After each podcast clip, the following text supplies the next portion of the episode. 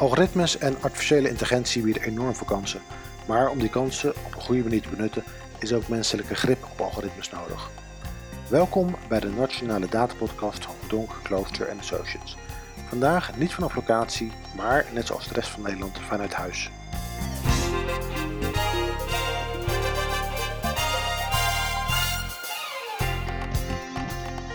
Welkom bij de Nationale Datapodcast, de podcast met inspirerende gasten en inzichten over het gebruik van data, algoritmes en artificiële intelligentie in de publieke sector.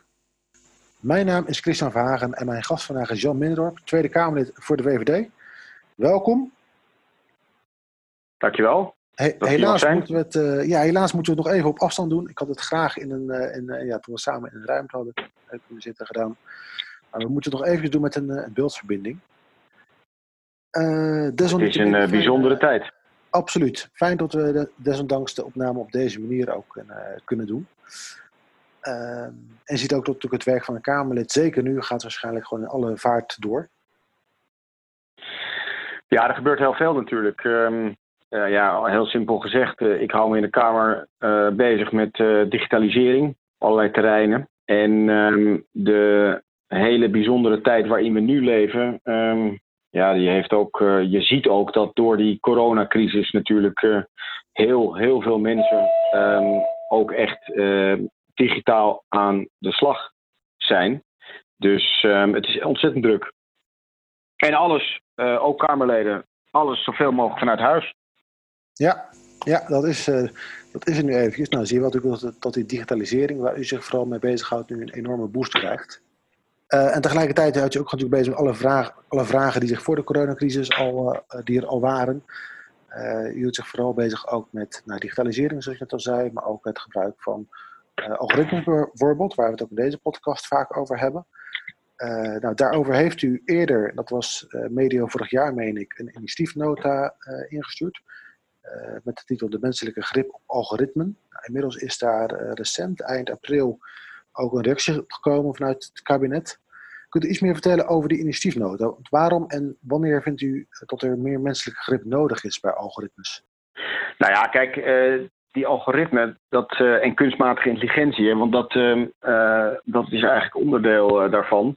Um, die, um, toen ik nu twaalf maanden geleden met dit initiatief kwam in de Kamer, toen werd daar nog niet zo heel veel over gesproken.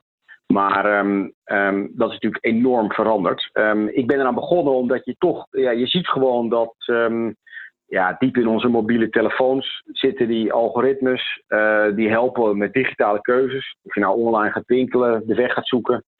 Er zijn gewoon duizenden nieuwe toepassingen die heel snel door mensen gebruikt uh, worden. en algoritmen, denk ik, uh, maken de wereld mooier makkelijker vaak. Maar um, je ziet ook, er zitten ook gewoon uh, risico's aan. Dus um, al die digitale hulp die um, algoritmen bieden, ja, dat kan ook, dat kan ook uh, overgaan in sturing en nou ja, de, de problemen die er met uh, algoritmen zijn. waardoor mensen eigenlijk niet meer grip hebben zelf op wat ze doen. Um, en ik denk dus dat het heel belangrijk is bij, ja, dat geldt altijd bij digitalisering, maar zeker ook bij kunstmatige intelligentie, toepassingen, algoritmen, dat mensen kunnen vertrouwen uh, op uh, ja, dat ze vrij kunnen blijven kiezen en veilig zijn. Dus daar, daarom heb ik toen gezegd, nou ik ga, um, ik ga kijken of het daar, uh, er gebeurt eigenlijk heel weinig over in de Kamer. Um, ik ga daar een initiatief op nemen en dat heb ik gedaan.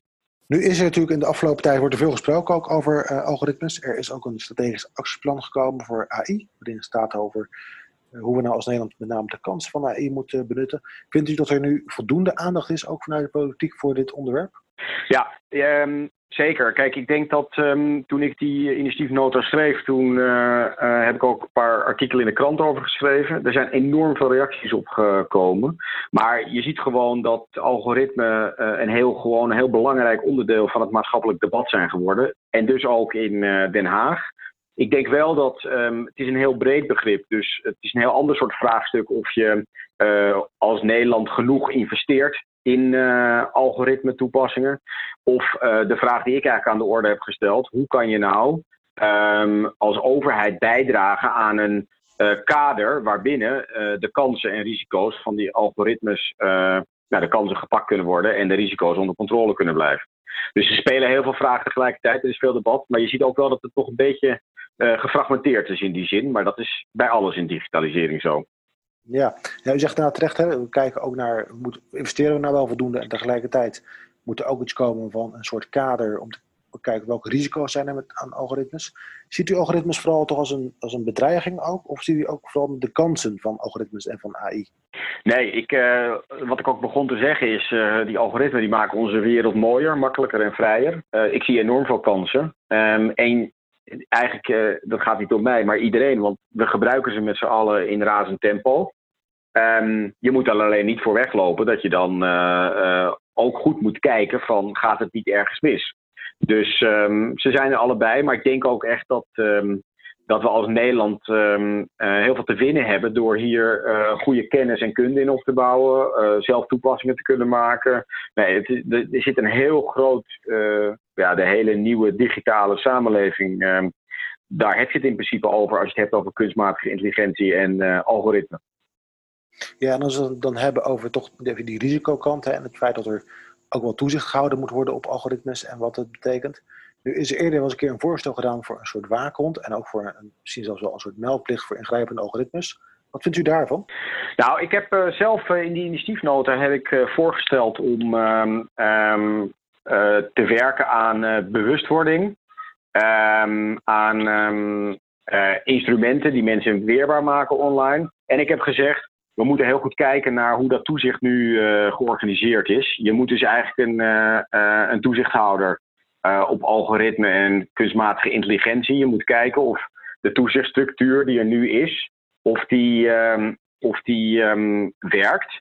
En, dat is denk ik heel belangrijk, of je in dat operationele toezichtkader, of daar ook op basis van principes wordt gewerkt die, um, die ook doen wat je wil, namelijk algoritmes de kansen kunnen pakken en mensen veilig houden. Dus ik, um, ik heb ook voorgesteld om een taskforce op te zetten die gaat kijken van uh, wat moet je nou doen in dat toezicht en moet je daar misschien inderdaad een toezichthouder uh, voor maken. Nu, nu is natuurlijk het toezicht nu ook voor een deel al belegd, alleen het is nu ook gefragmenteerd denk ik. Een stuk ligt bij de AP, een stuk ligt misschien wel bij de Autoriteit Telecom of bij de ACM. Um, ziet u een potentiële rol voor een nieuwe toezichthouder? Of, of denkt u, nou, misschien moeten we dat eigenlijk ook wel versplinterd laten een klein beetje en dat ook meer bij de bedrijven zelf neerleggen? Ja, wat ik dus, daarom zei ik ook net van, um, um, ik heb ook uh, gevraagd om een taskforce die gaat kijken naar, um, is, dat, uh, is het kader wat we nu hebben, werkt dat? Is dat sluitend? en het zou best wel kunnen dat, dat je zegt, nee, de bestaande toezichthouders, en het zijn er nog meer dan jij noemde, AFM, et cetera, et cetera, die uh, als die op zo'n zo manier samenwerken, of je gaat daar een structuur om maken, zodat, zodat er niks tussen de wal en het schip valt. Want dat is natuurlijk het, uh, het probleem bij zoiets nieuws. Dat zou kunnen. Um, het zou ook kunnen dat je uiteindelijk tot de conclusie komt en um, um, dat je gewoon een speciale toezichthouder moet maken die, die algoritme op een goede, dat kader op een goede manier uh, gaat, uh, gaat vormgeven.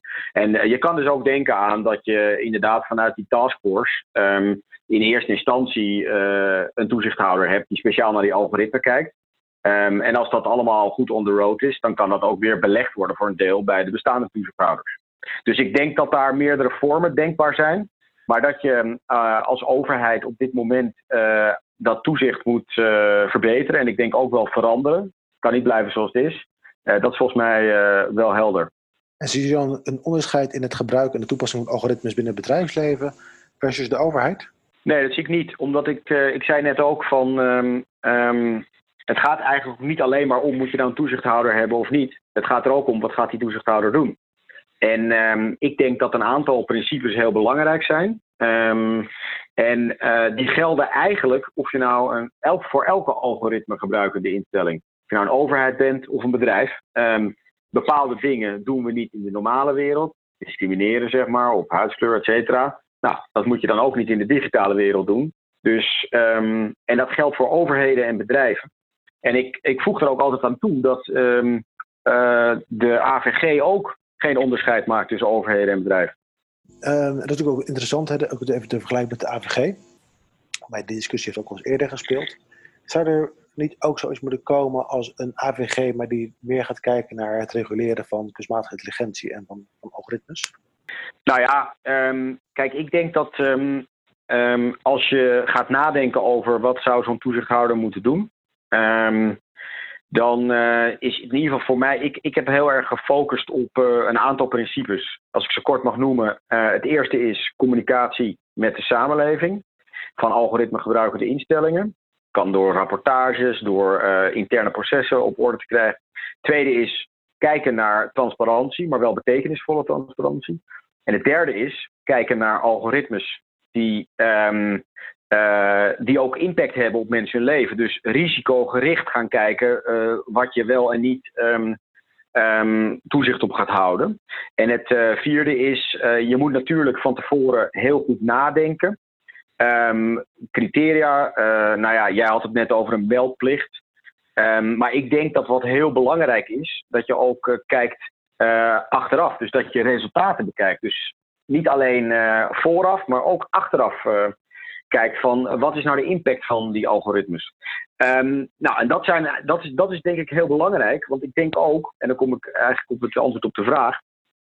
Uh, als we daar in Nederland niet over nadenken of een beetje afwachten, dan komt, uh, dan komt het vanzelf uit, uh, uit Europa. Want daar zijn ze natuurlijk heel hard aan de slag nu. Um, om te kijken naar wat moeten we doen met die kunstmatige intelligentie. En die zitten dus ook te kijken naar hoe kunnen we daar goede kaders voor maken. En ik denk Um, ja, we moeten samenwerken in Europa, maar we moeten wel als Nederland zorgen dat we daar in die samenwerking uh, iets ter berde te brengen hebben. Dat betekent dus dat we gewoon heel veel kennis en kunde moeten hebben en daar ook zelf over nagedacht moeten hebben. Betekent dat ook dat we uh, bijvoorbeeld zelf met een, een, eigen toetskader zouden moeten komen, voor zover dat er nog niet is? Um, nou, ik, ik weet niet, een toetskader voor algoritmes bedoel je? Ja, klopt. Um, kijk, ik, ik heb net uh, uitgelegd uh, waar ik uh, naar zou willen kijken, die vier principes. Um, en ik denk dat het heel goed zou zijn. en dat heeft ook, um, da daar zou je dus echt als Nederland ook een taskforce naar moeten laten kijken. hoe kunnen we dat inrichten in de toezichtsstructuur die we hier in Nederland hebben? en ja, ik denk dat Nederland daar zelf over na moet denken. Want ziet u nu ook vanuit, vanuit Europa al tot er daar gewerkt wordt aan een dergelijk toetskader of dat er gewerkt wordt aan iets van regulation of wetgeving op dit gebied? Nou, er zijn uh, de nodige witboeken uitgestuurd. Dus uh, het is zeker zo dat, uh, kijk, toen ik dit in mei allemaal op papier zette, toen was de vorige commissie er nog.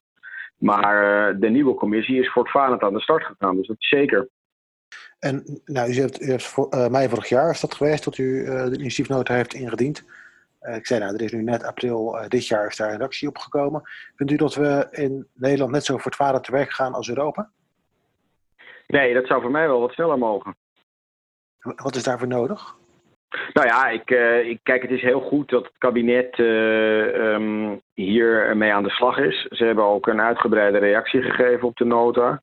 Um, maar ik denk dat we, dat we wel, zoals wat ik zei, bijvoorbeeld zo'n taskforce die Um, die daar echt naar gaat kijken. Dat, het zou goed zijn om die uh, aan de slag te hebben voordat we um, in Europa onderhandelingen ingaan over hoe willen wij nou vanuit Nederland dat zo'n uh, uh, kader eruit ziet. Okay, en en die taskforce waar je ook een, een aantal keer aan, aan, refereert, wat is daar nu de status van? Nou ja, het kabinet is bezig om daarnaar te kijken. En, en zou daar, wie zou erin moeten komen in zo'n taskforce? Nou ja, ik denk dat je daar um, mensen in moet zetten die, uh, uh, deze, die, die algoritme en kunsmatige intelligentie goed begrijpen. Ook goed zien um, uh, hoe dat nu gebruikt wordt bij overheden en bedrijven.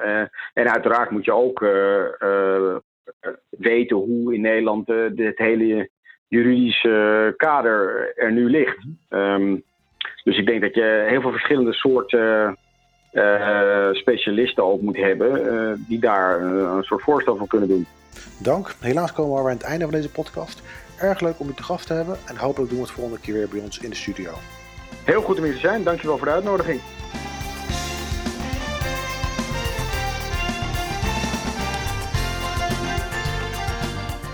Hiermee zijn we aan het eind gekomen van deze aflevering van de Nationale Data Podcast.